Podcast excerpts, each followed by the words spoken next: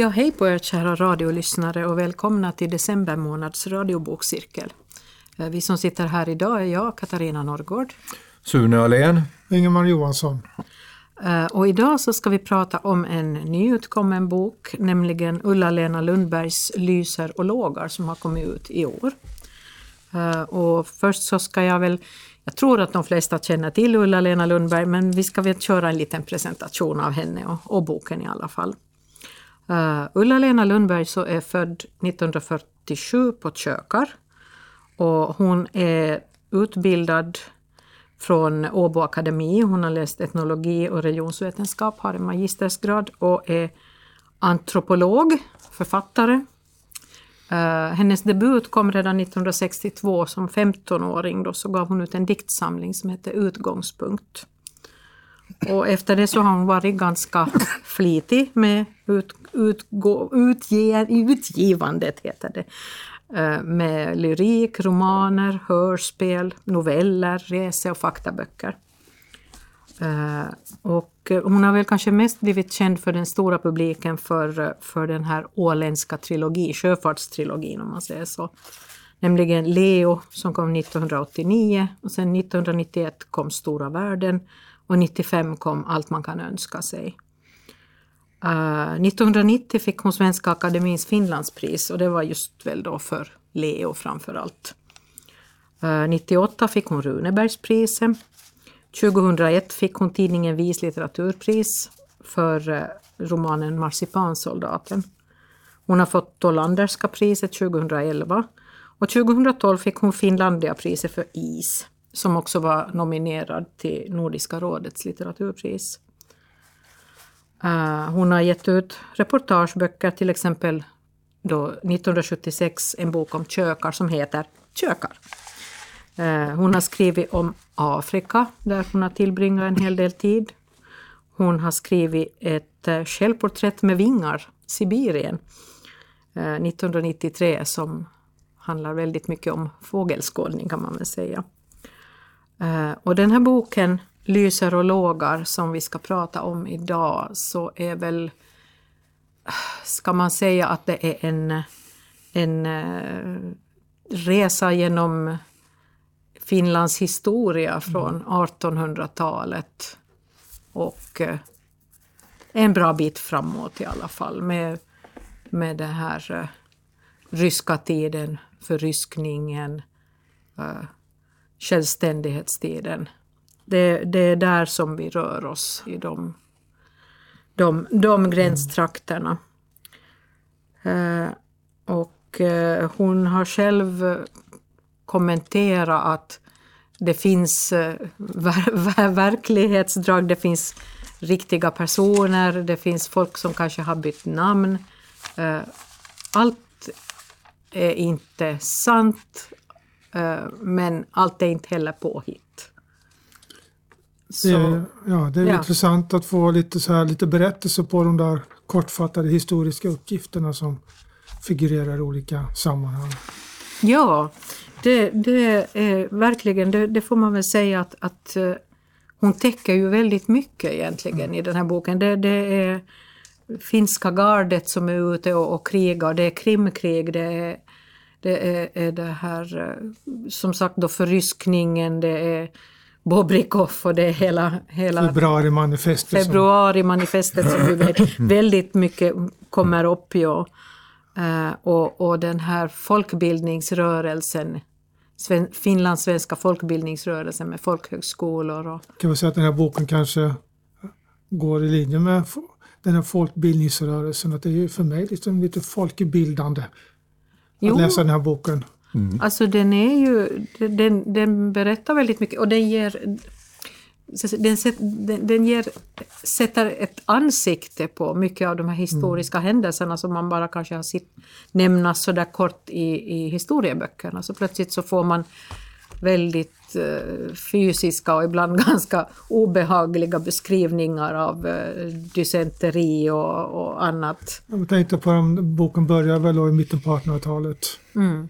Eh, med Vörobrand. När det nu, nej, Vasa, Vasabrand, förlåt. Ja, ja. Eh, och folk som blir arbetslösa.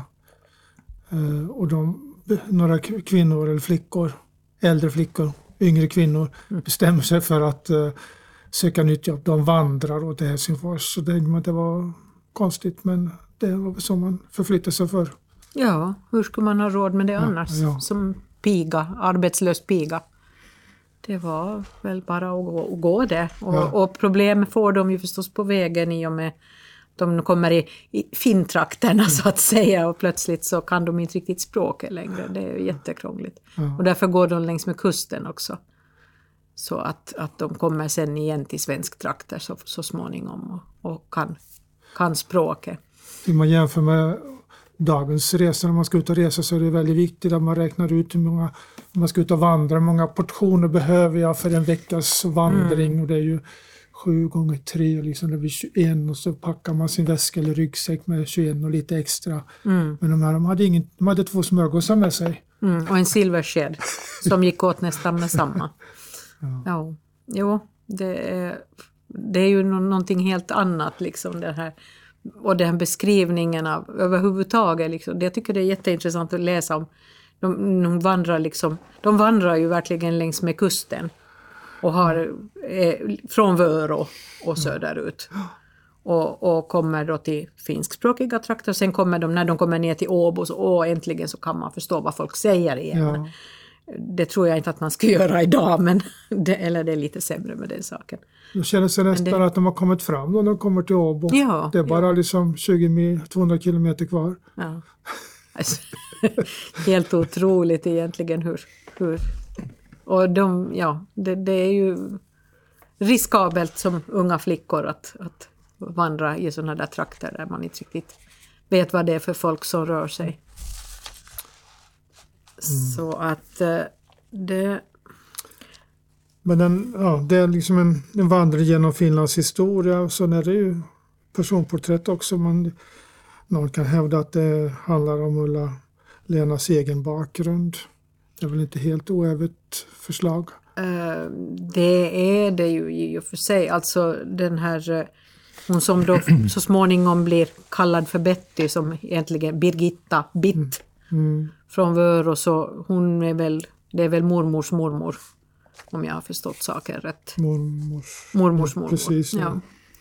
Eh, Men, men som sagt hon har ju nog, jag menar det, det är ju antagligen finns det inte så jättemycket eh, dokumenterat så man får ta sig lite friheter och det är ju en roman, det är ju ingen på det sättet faktabok utan det är ju fiktion. Och det är lite blandat fakta och fiktion. Jag vet inte riktigt hur man ska förhålla sig till en bok som man uppfattar att den innehåller rätt mycket fakta men ändå benämns som roman. Att man får, jag tycker det är väl upp till läsaren lite att bestämma också vad, vad man tänker om det. Liksom författaren kan inte bara bestämma vad läsaren ska uppfatta. Utan man som läsare har ju frihet att se dokumentationen också.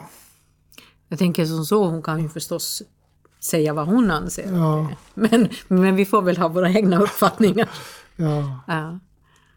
Och vad säger Sune om den där Ja, jo, det, historien? men det jag inte har nog så mycket att tillägga, det där är ju en beskrivning av vad boken handlar om och det är en, en hon har en mycket bra beskrivning om man tar det absolut sista som hon skriver. Så jag, det, det, jag tänker på det ni sa här nu i slutet, att, att författaren om sitt material som brukar ju upp då att vilka personer som då egentligen är inte påhittade utan det är faktiskt, hon har hon har utgått från minnesanteckningar av Fredrik Valentin Nyström, alltså denna som är då en för, för, förfader.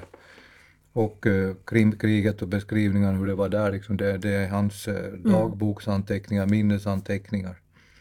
Och hon har också, naturligtvis finns det mycket nedskrivet om de här Finns folkhögskolas stora, ja där det börjar med Robert Rostedt då som han ju hette men fick ett lite annat namn i boken och hans Olga.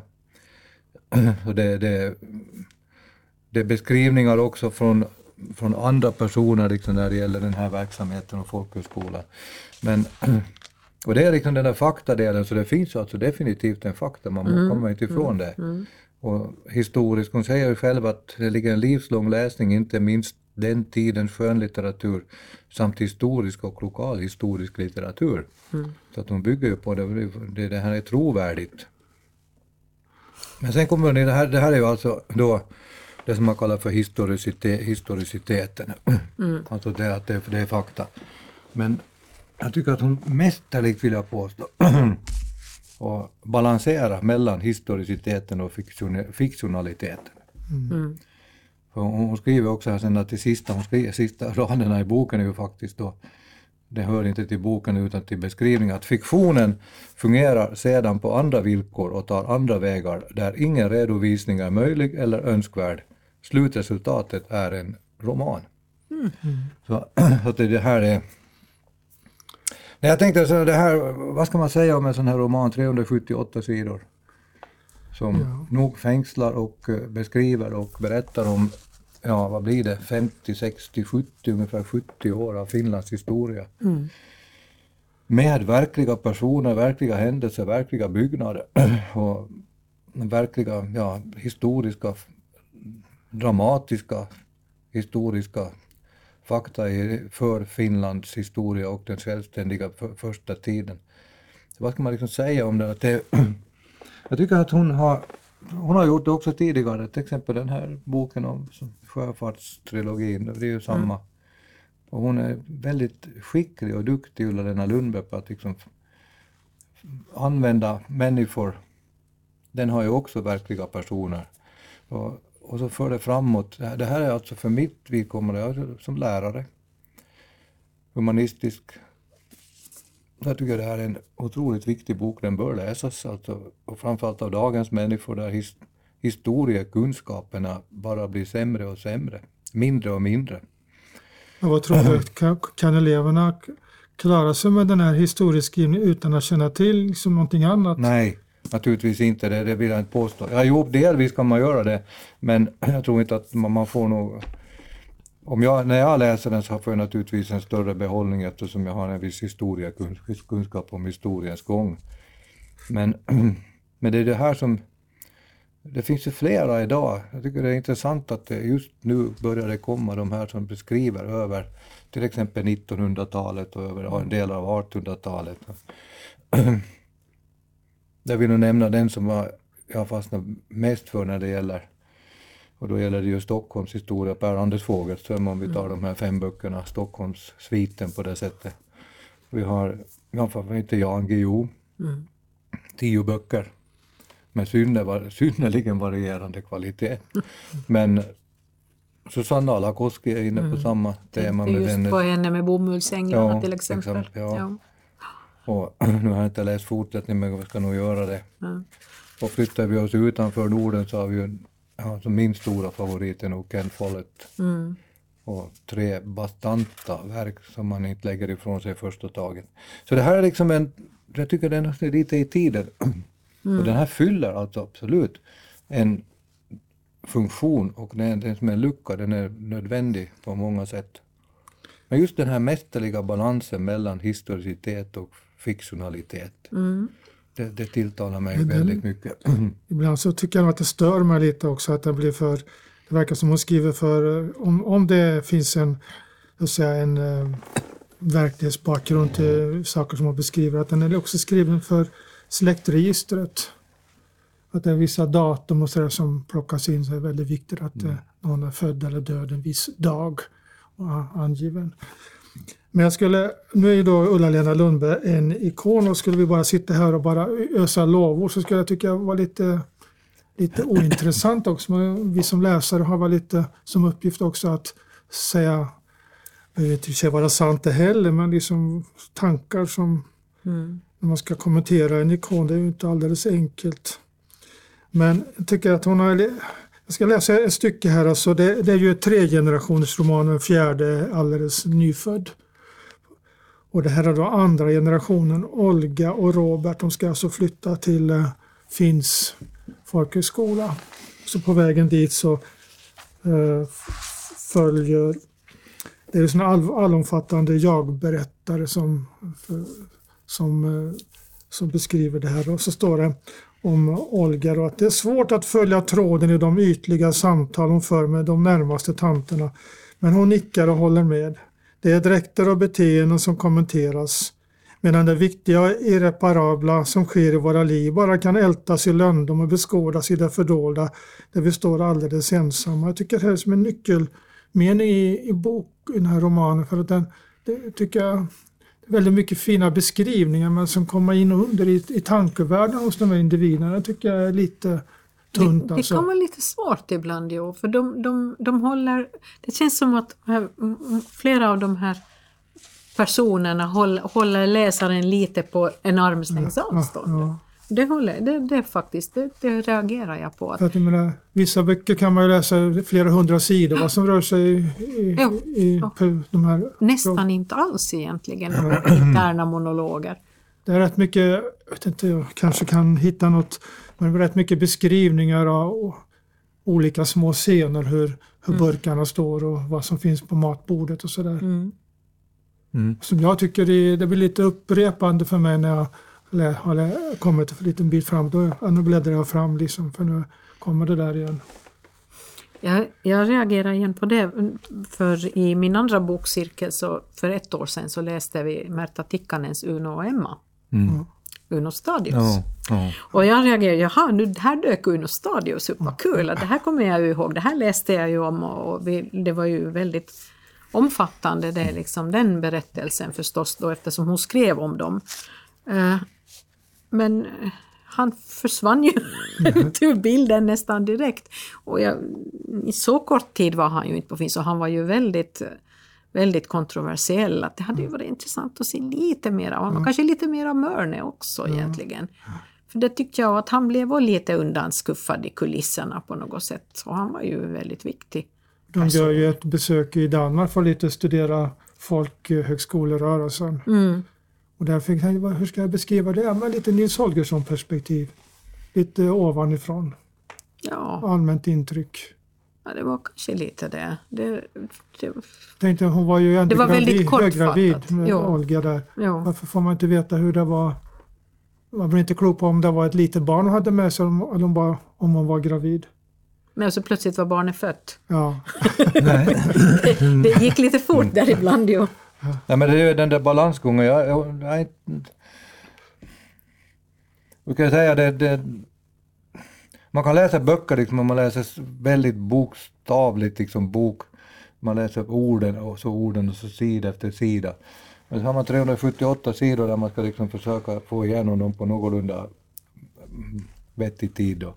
Så jag fastnar nog inte för det där egentligen utan att, mm. jag tycker den här beskrivningen till exempel av den grundtvianska tanken och idén då i, i folkhögskolan, nu kommer inte ihåg vad den hette den där i, Dan, i Danmark och sen och vidare i Sverige, så det blev ju en, en liten sån här eh, summarisk över att det här är liksom idén och där kom det euforin över att så här ser det ut. Jag hängde nog inte upp mig på detta egentligen. Och lika lite som Jo, det där med att man, man eller detaljer, vi har varit inne på tidigare böcker, jag kommer nu inte ihåg vilken av dem som det var också där vi också fastnade för att det var väldigt detaljrikt och beskrivet att så här var alla saker och så vidare. Man tycker att det kunde vara, men det kanske har sin funktion. Mm. Det är ju liksom denna Olga, jag, jag uppfattar henne som en, liksom, hon, hon är ju bokens liksom stjärnan där mm. och så far det mm. liksom lite före finns det då den här vandringen och allt sammans som har sin betydelse för det var umbäranden. Och sen kommer liksom tiden efter då när hon när hon har nästa generation så att säga. Men det är liksom Olga som på något sätt är hon är nog den centrala figuren. Hon är den där hjältinnan där som liksom allting då far kring, eller rör sig runt. Och, efter ett tag när jag läste, det kom ganska långt in i boken, och tänkte att men här har vi liksom lite Per-Anders Fogelströms Emily. Mm. Och, hon, hon är ju liksom väldigt mycket längre i boken än hon kanske borde vara hos Per-Anders Fogelström. För man, får liksom, man följer henne och hennes utveckling och därmed följer man också hur samhället utvecklades. Mm. Hur hon såg och hur hennes farhågor och hennes eh, moraliska syn på ett och annat och så vidare. Och det är lite samma med den här Olga här att hon, hon blir den här stabila stabila kvinnan där i mitten. Mm. Det här är ju en bok som lyfter fram kvinnan. Väldigt mycket. Jo, Du måste vara medveten om det, liksom Jo.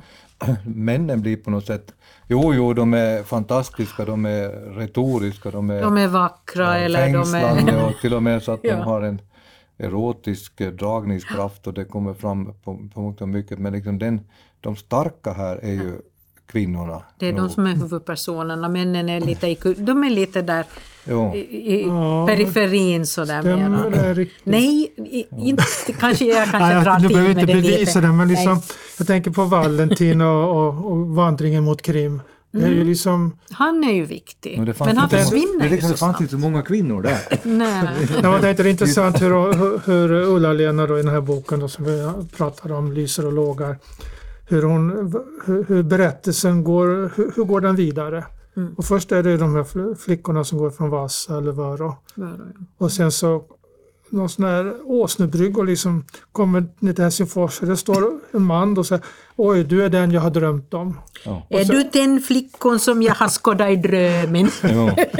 Jo, Ja, jag vet så- inte vad det ska vara för dialekt men det var, Och så, och så var blir det. det Valentin då. Han, han direkt ut i kriget i så- stort sett. Han ska ju hem och säga farväl till mamma och sen så är han ute och vandrar och överlever tror, mot alla odds. Och kommer tillbaka och så får de barn och så går berättelsen vidare med Olga och, och Robert och så får de barn, Karin och, och Gunnar då. Att, eh, ja. Så att det är berättelser som det, det är ju liksom en, en berättelse som följer mödandet men ändå så är det så jag vet inte om det beror på myndighets, om det är det hon beskriver, alltså vem, vem är det som kan liksom föra de här juridiska förpliktelserna vidare. Det kan inte kvinnorna göra för de blev mynd, myndiga. Ja. Nu, nu, nu måste jag få... För att, att eh, det är ju, hon ägnar ju ett par kapitel nästan åt det här med kvinnlig rösträtt. Ja. Och, och det, jag tyckte det var jätteintressant att läsa. Hon hade ganska mycket så här mm, för, fört protokoll från möten då som de hade på Finns folkhögskola där pojkarna och flickorna då fick diskutera om kvinnan skulle ha rösträtt. Och det var ju ganska delade meningar om det här. Och det, då, då är det liksom eh, rubriken alltså för, för den här diskussionen är då Bör kvinnan erhålla rösträtt?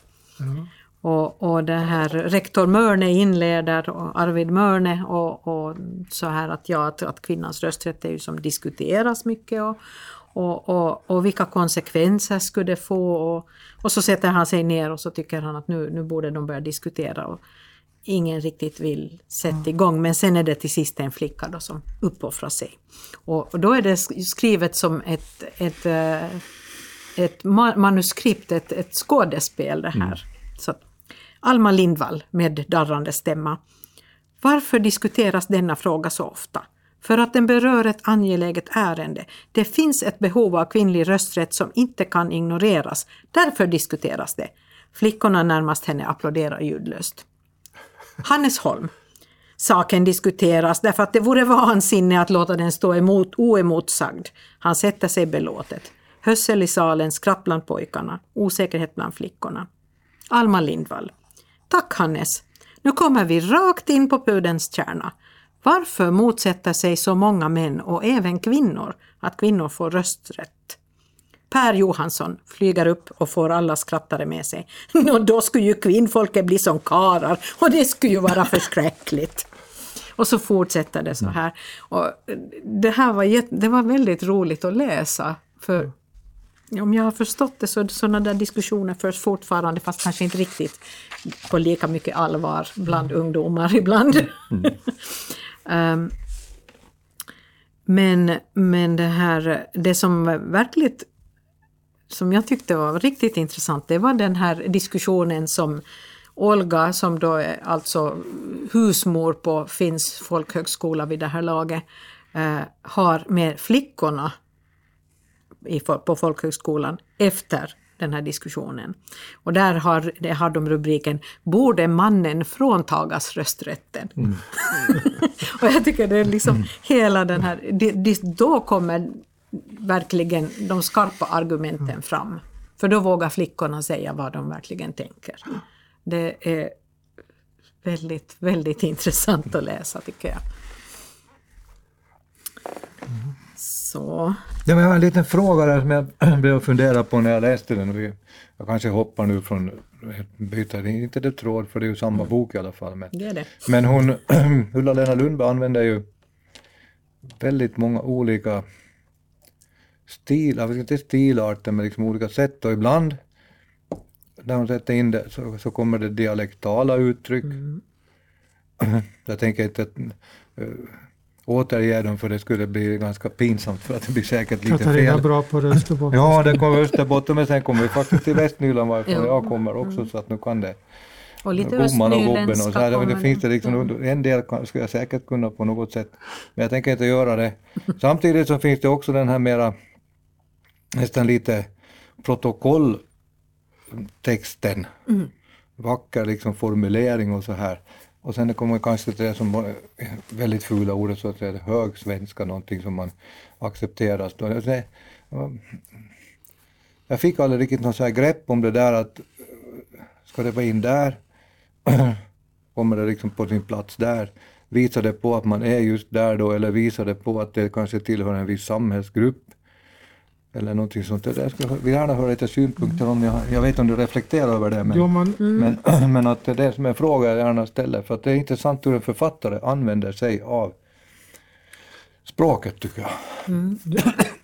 alltså det, det är ju, kan man säga att det är bondesamhälle som de börjar i Mm. på 1850-talet. Alla var inte bönder då heller, men det är bondesamhälle. Det är bondesamhälle definitivt. Ja. Ja.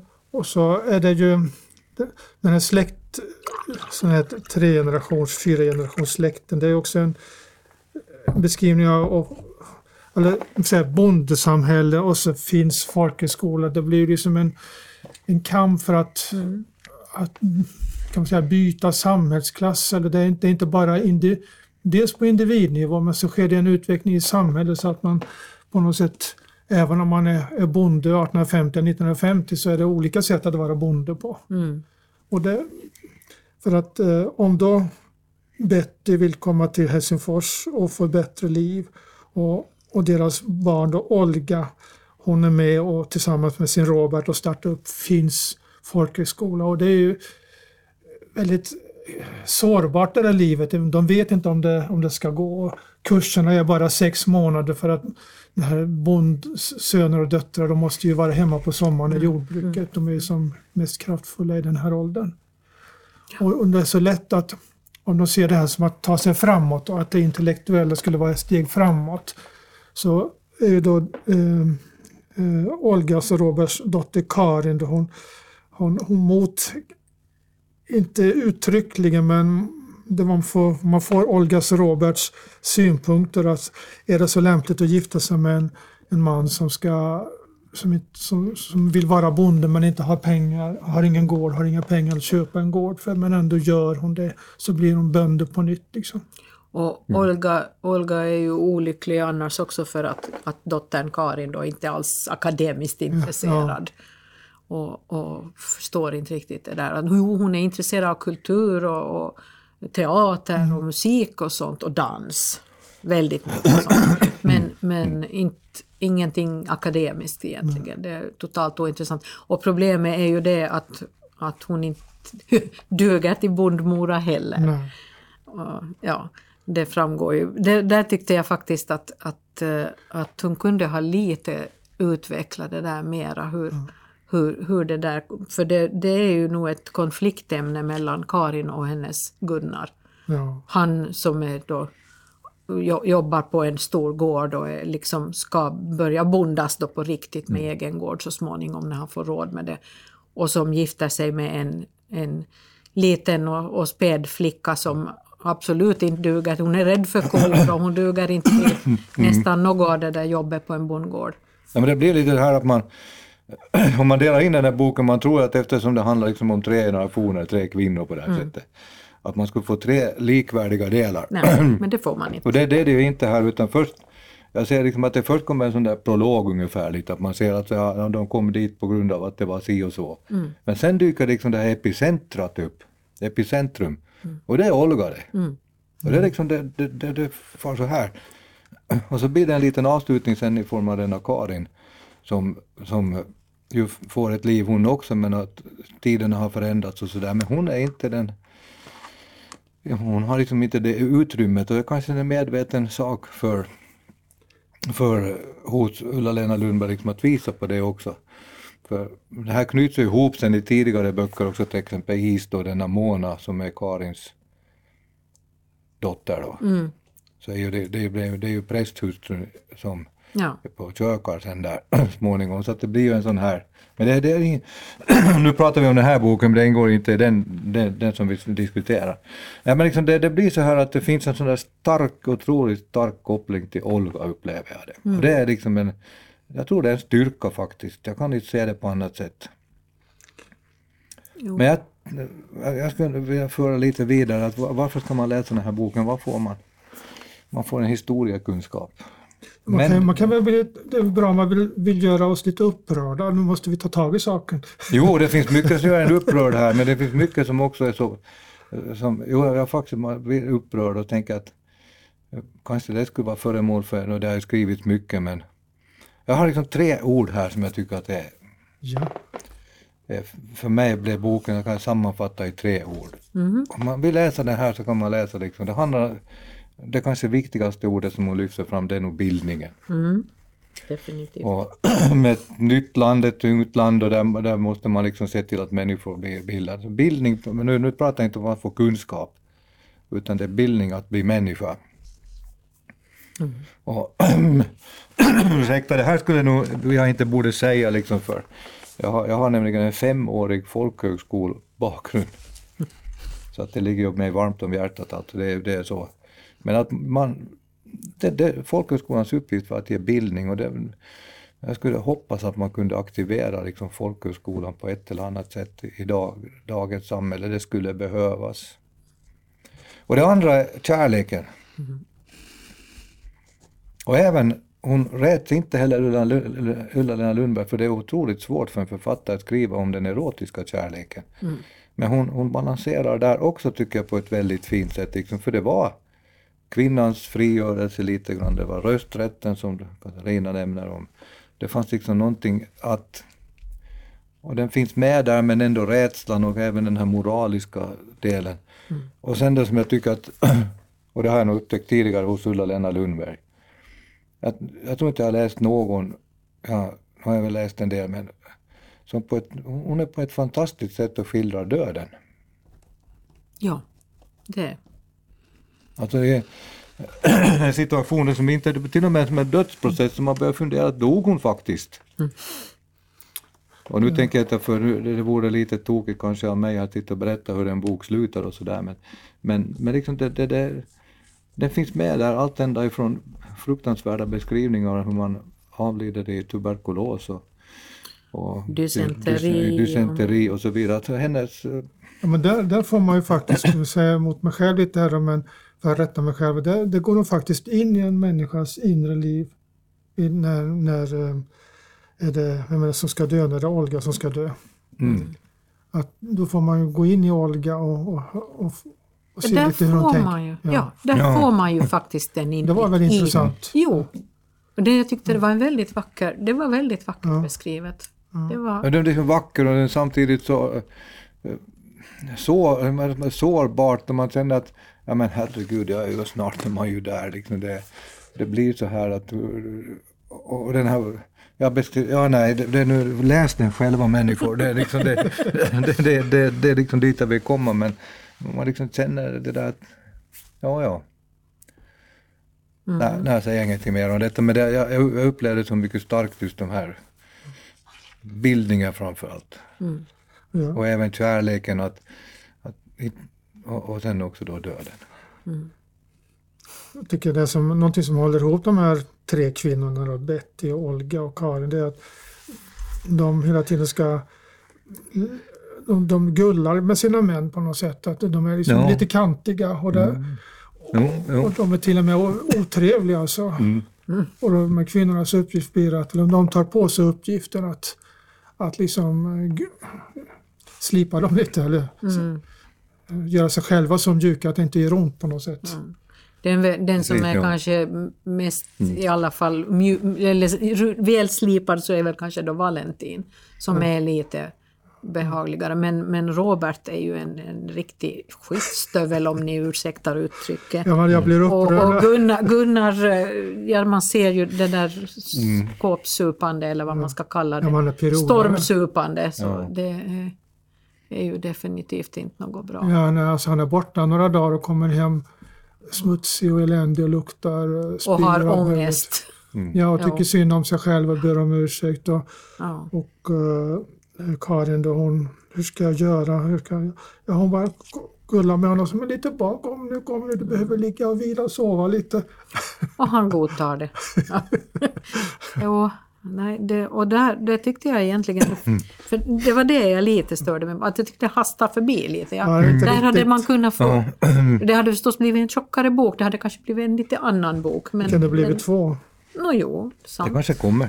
Vem vet? Nej, hon har, hon, vä, hon har en förmåga liksom att väva in det där fast hon liksom tidigare hänt i tidigare böcker så plötsligt Ja. dyker de upp igen och så det, en bok är en bok som den ligger alltså, men jag tycker ibland lite präktig kanske. Ja. Alltså, jag måste ju er, erkänna alldeles så här. eh, Jag gillar ju historia och, och jag, jag, jag tyckte väldigt mycket om den här delen med Valentin och det här fälttåget.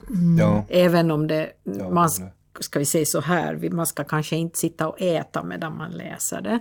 Eh, Men det var väldigt intressant, och just den här skildringen av hur de då, hur de då liksom marscherar söderut genom Baltikum och, och, och ja, det var ju Kom väl inte så långt men det var de ganska kom ju mycket inte så långt och det, det Ja. dog folk som flugor. Och sen tillbaka till Petersburg, till Tsarskoje selo och, och, och så här. Och, mm, Men där finns igen det här med den där bildningsdelen också, så till och med då kunskapen. Alltså vi ska vara medvetna om att det här är liksom 1850-talet, mm. kringkrig och alltihopa detta. Läskunnigheten i, i landet var ju inte på sådär rysligt hög nivå fast den var hög.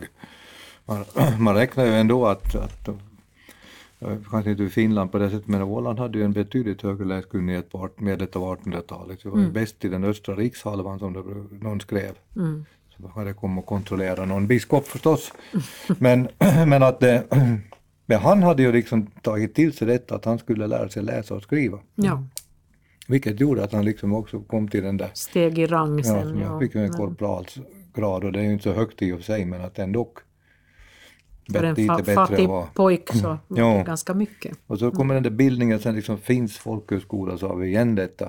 Och så det slutet, det som, som Ingmar var inne på här, den här Karin som är lite trilskande på detta, hon kanske inte tycker riktigt att, men liksom det är hela tiden att, så jag ser liksom det här, nåja, det, får, det är säkert en del av min livsgärning på något sätt detta med bildning så att det fastnar väl för det då.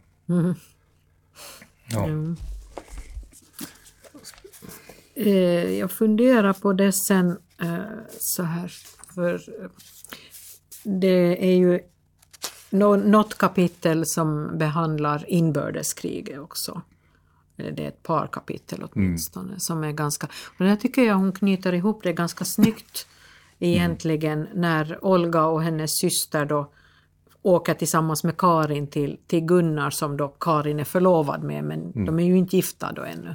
Och han är, han är han jobbar på en, en sån här stor gård då, ute på, långt ute på landet så de, de far dit för att vara där med honom och stiger av tågstation, tågstationen i Karis och det är massor av folk som rör sig åt alla håll och kanter. Och sen liksom när de är på väg hem igen efter att allt det, alltså alla striderna är över sen då och de kan ta sig tillbaka till Finns folkhögskola igen så beskriver hon det på precis samma sätt igen. Fast folk samlas liksom för att ta tåget därifrån. Men det är fortfarande den där samma konstiga känslan ja, som hon beskriver. Hur, hur folk liksom betraktar det. De, de, de har inte riktigt den här, det här begreppet om vad det handlar om. Nej, riktigt. nej. Det där skulle vara intressant när vi sitter tre stycken här för att en reflektion som jag skrev ner här på mina minnen så är det att när man i en bok möter platser som man känner igen så blir det ju också ganska så här. Jo men jag, jag har otaliga fredagskvällar har jag stått på Karis station för att ta tåget till, till Nådendal på den tiden. Ekenäs station är ju synnerligen bekant eftersom det är därifrån jag kommer. Jag känner liksom, jag ser det, jag kan höra det. Jag kan till och med nästan höra ångloken fast de inte har varit på min tid. Och Katarina har en från Österbotten där det liksom finns, men hur, har du några kopplingar till de här platserna? Jo, det Känner har jag ju faktiskt. Ja, men jag har inga, inga barndomsupplevelser av Ekenäs, men jag har ju varit i Ekenäs, jag har varit i Hamn, jag, Ja, jag ja. har åkt tåg och jag har ja varit men då är det, då, då, Jag har varit i de, besökt de här ryska kasernerna i, vad heter det, på vägen till Ekenäs. Mm. Ja, jo, jo, så det är ju, Mm. men jag har ju inte den här erfarenheten som du att jag har, att jag har sprungit med tunnband och sånt som du har. Nej, det gjorde inte jag heller, men jag växte ju upp där liksom, och det var ju, enda, måste, ja det var ju bussar, men man åkte liksom, på stationerna. Det är ju otroligt viktiga mångt och mycket, järnvägsstationerna. Liksom. Och, och sen blev det ju, skicklig nog och nämner liksom ingenting om detta med Ekenäs kommer ju att få en synnerligen mörk, mörk, mörk äh, sida också när det är så, ja, efter andra, efter, vad heter det, inbördeskriget. Ja. Men det nämner hon inte alls, nej. Nej men det, jag tycker det är skickligt också, det är ja. bara en liten mening där om att, att hur kan man vara då eftersom man har, de som har vunnit då ska vara så grymma liksom och Ja. så här. Men vi har ju det här fånglägret i Dragsvik då, jag kanske tänkte på dem när du var dit och tittade, men att det så att det där är ju liksom, det är ju mina hemtrakter från början. Men det, det är liksom så här, man, man, man ser det framför sig och när man läser det, då får det en annan prägel än om man inte gör det. Mm, förstås. Jag har ju varit i Vasa men jag har inte, jag är som Vörå vet inte så mycket om. Mm. Och där hade ju jag igen förstås, jag, jag kunde ju se Vörå framför mig. Ja, det är liksom Det är det. ju ganska naturligt. Så du vet vi tidigare vi har pratat om, det, var det till och med första gången jag var med då, som koncentrationen var till, till, till Eppis och till Jakobstad. Så då får man ju det här, man kan liksom forma den Ja, där. men det, är ju så, men det finns ju en del åländska författare som, som plockar lite hejvilt om miljöer som man känner igen och så tycker man att man får inte ihop det riktigt. Man vill att det ska följa liksom som det ser ut som jag upplever det. det har varit. Jo, jo, jo, jo. Jo, det blir ju så ibland. Alltså, jag måste ju säga att precis i början, jag, när jag började läsa den här boken, så precis i början då när det var det här efter Vasabrand och när de, när de vandrade hem, de här flickorna då till Vörå, de som hade jobbat som pigor i stan och då var de plötsligt arbetslösa och måste till sina hemgårdar då och så här och föräldrarna fick ett mun till och mätta när de inte egentligen hade råd med det. Och, och så har hon lite sådana här eh, diskussioner, det är lite sådana här korta, korta diskussioner då som hon har eh, re, redovisat. Det, liksom, det finns lite...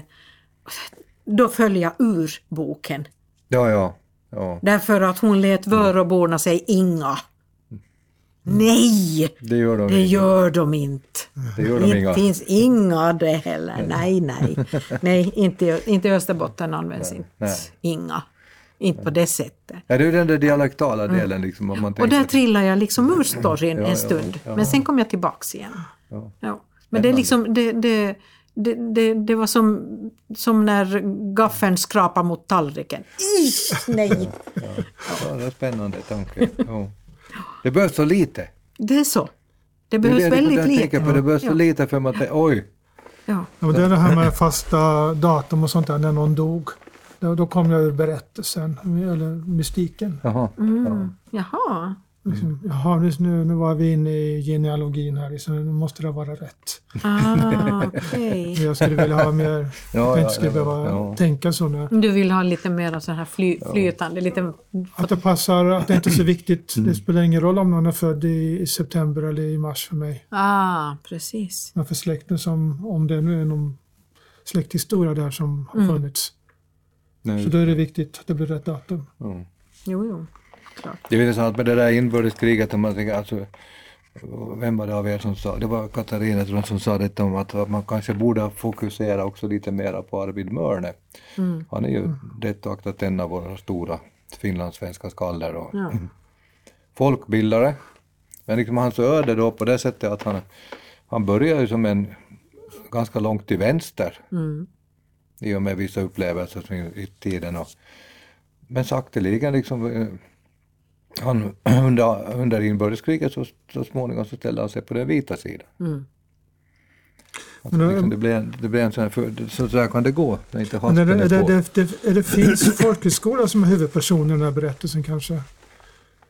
För att, Delvis åtminstone Den- är det den- nästan som att den har, den, den har ju den har en personlighet, den är Ja. viktig. Den Ja, är det finns en beskrivning där, ja, jag kan inte säga var nu för nu måste vi låta läsarna få lite så här titlande spänning att den här boken ska jag nog ta mig an.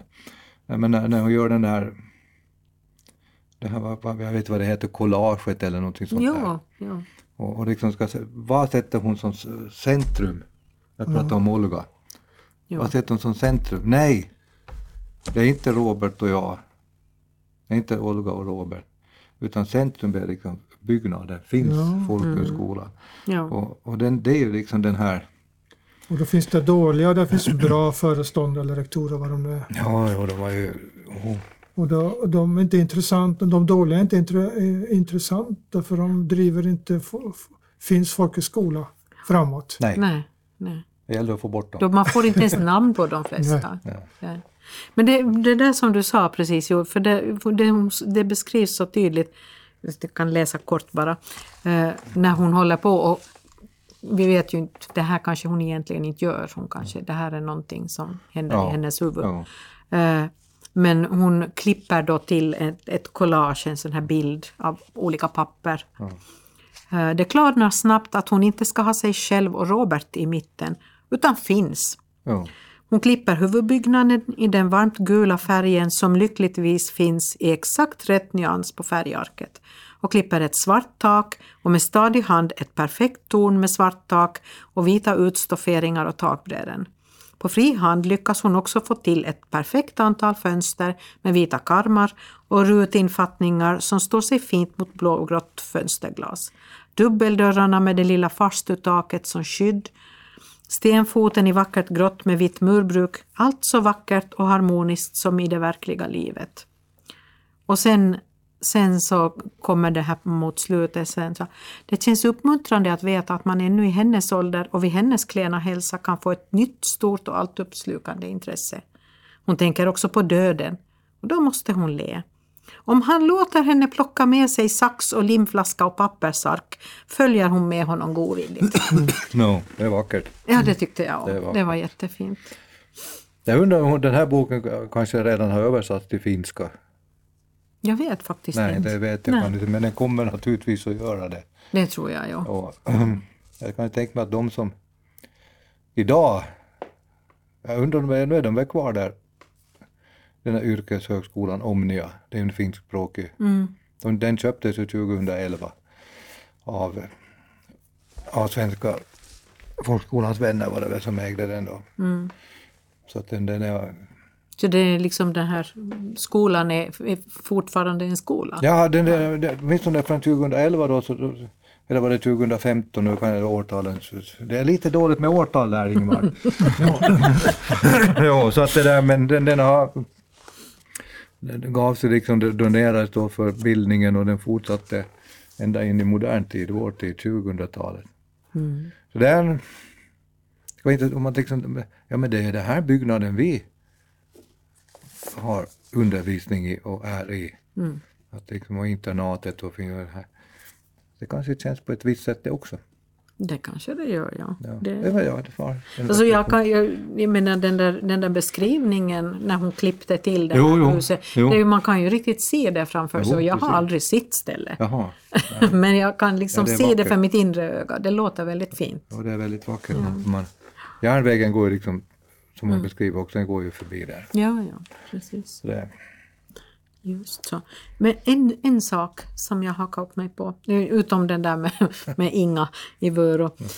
Men, men jag vet inte om någon av er har noterat, men jag noterade, jag läste den som e-bok. Och, och när jag hade läst den färdigt så att, men vänta nu, vad, vem var Gunni? På ett enda ställe. ja. Så eh, jag vet inte om... om Nej, om, två gånger läste jag, två, Jaha, jag har bara sett det på ett ställe. Ja. Men alltså, jag, lä- nej, jag läste Ja. det två gånger ja, för okej. att det liksom, Ja. Jo. det, jag Eh, nej, det är på ett ställe som, som hon, det har blivit fel namn på lilla Karin, så plötsligt heter hon Gunni, men bara på ett enda ställe. Jaha. Men om man tittar, jag kom på det sen, har du någon sida där? Eh, Ja, e-boken är det 267. 267? Men det Ja, så- nej, det är nog inte samma riktigt, men någonstans där omkring ska det vara. Jag tänkte på vem är det som berättar det här? Det, det Olga får eh, bli jag-berättare i något, något sammanhang. Annars är det någon allvetare som berättar historien om, Nej, det är nog längre fram tillbaka. det. Det är kapitel 28. Det är det. Jaha, Men det, ja. nu är det detektivarbete här Ja. på hög nivå. Men det, det är ju den där lite smått erotiska eh, scenen. Och ja, jag, jag förstår bara inte. Jag hakar upp mig plötsligt. Men vänta nu, var det inte Karin? Inte, va, va? Vem har han nu i famnen? Men eh, Kapitel 28, just det. ja, Ja. Det här kan vi ju annars låta läsarna ta liksom ett titta, titta efter att nu får ni ta och, lä- nu får ni ta och reda ut det här. ja Ja. det är en liten, liten smått erotisk scen. Och, Jo, jo, och, Bara det borde ju locka till läsning också Ja, men det säger ju lite om att förlaget kanske inte har gjort eh, den insats som tillkommer dem riktigt. Det verkar ju vara en liten miss i alla fall. Mm. Det, jag kan ju inte tänka mig annat än att det är meningen att det ska stå lilla Karin, men det står lilla Gunni. Ja, hörni, vad säger vi? Ska vi rekommendera den här boken i julklapp åt folk? Jo, det No, tycker jag. definitivt. Jag alltså, tycker, det det tycker jag definitivt att finns det någon då som har barn i tonåren och läser är intresserad av historia så är det här en bra bok att Ja, jag tror det. komplettera Jag med. tror att det skulle kunna vara det faktiskt. För att som du sa, man kan inte bara ha den här och så har man Finlands historia färdigt som du sa. Nej, nej, nej, nej, nej, nej, utan det är, man ska nog sitta noggrant med på historielektionerna på, på både låg och högstadiet och, och sen ta till sig de här, då, då, då får man det liksom mera kläder på kunskapen. Precis. Hörni, jag tror att vi avslutar diskussionen för den här gången. Eh, och, och så säger vi att vi återkommer i januari men eh, vad vi läser till dess vet vi inte riktigt ännu så det, det, får, det får vi se. men eh, ha, det, ha en bra jul allihopa och, och testa gärna den här isländska seden med julabokaflod. Eh, Det vill säga att man ger en man får- får och ger en bok i julklapp och sen lägger man sig i sängen och äter choklad och läser resten av julafton. Så. Eh, Vi som har suttit här idag är jag, Katarina Norrgård. Ingemar Johansson. Och Sune Alén. Ha en god jul!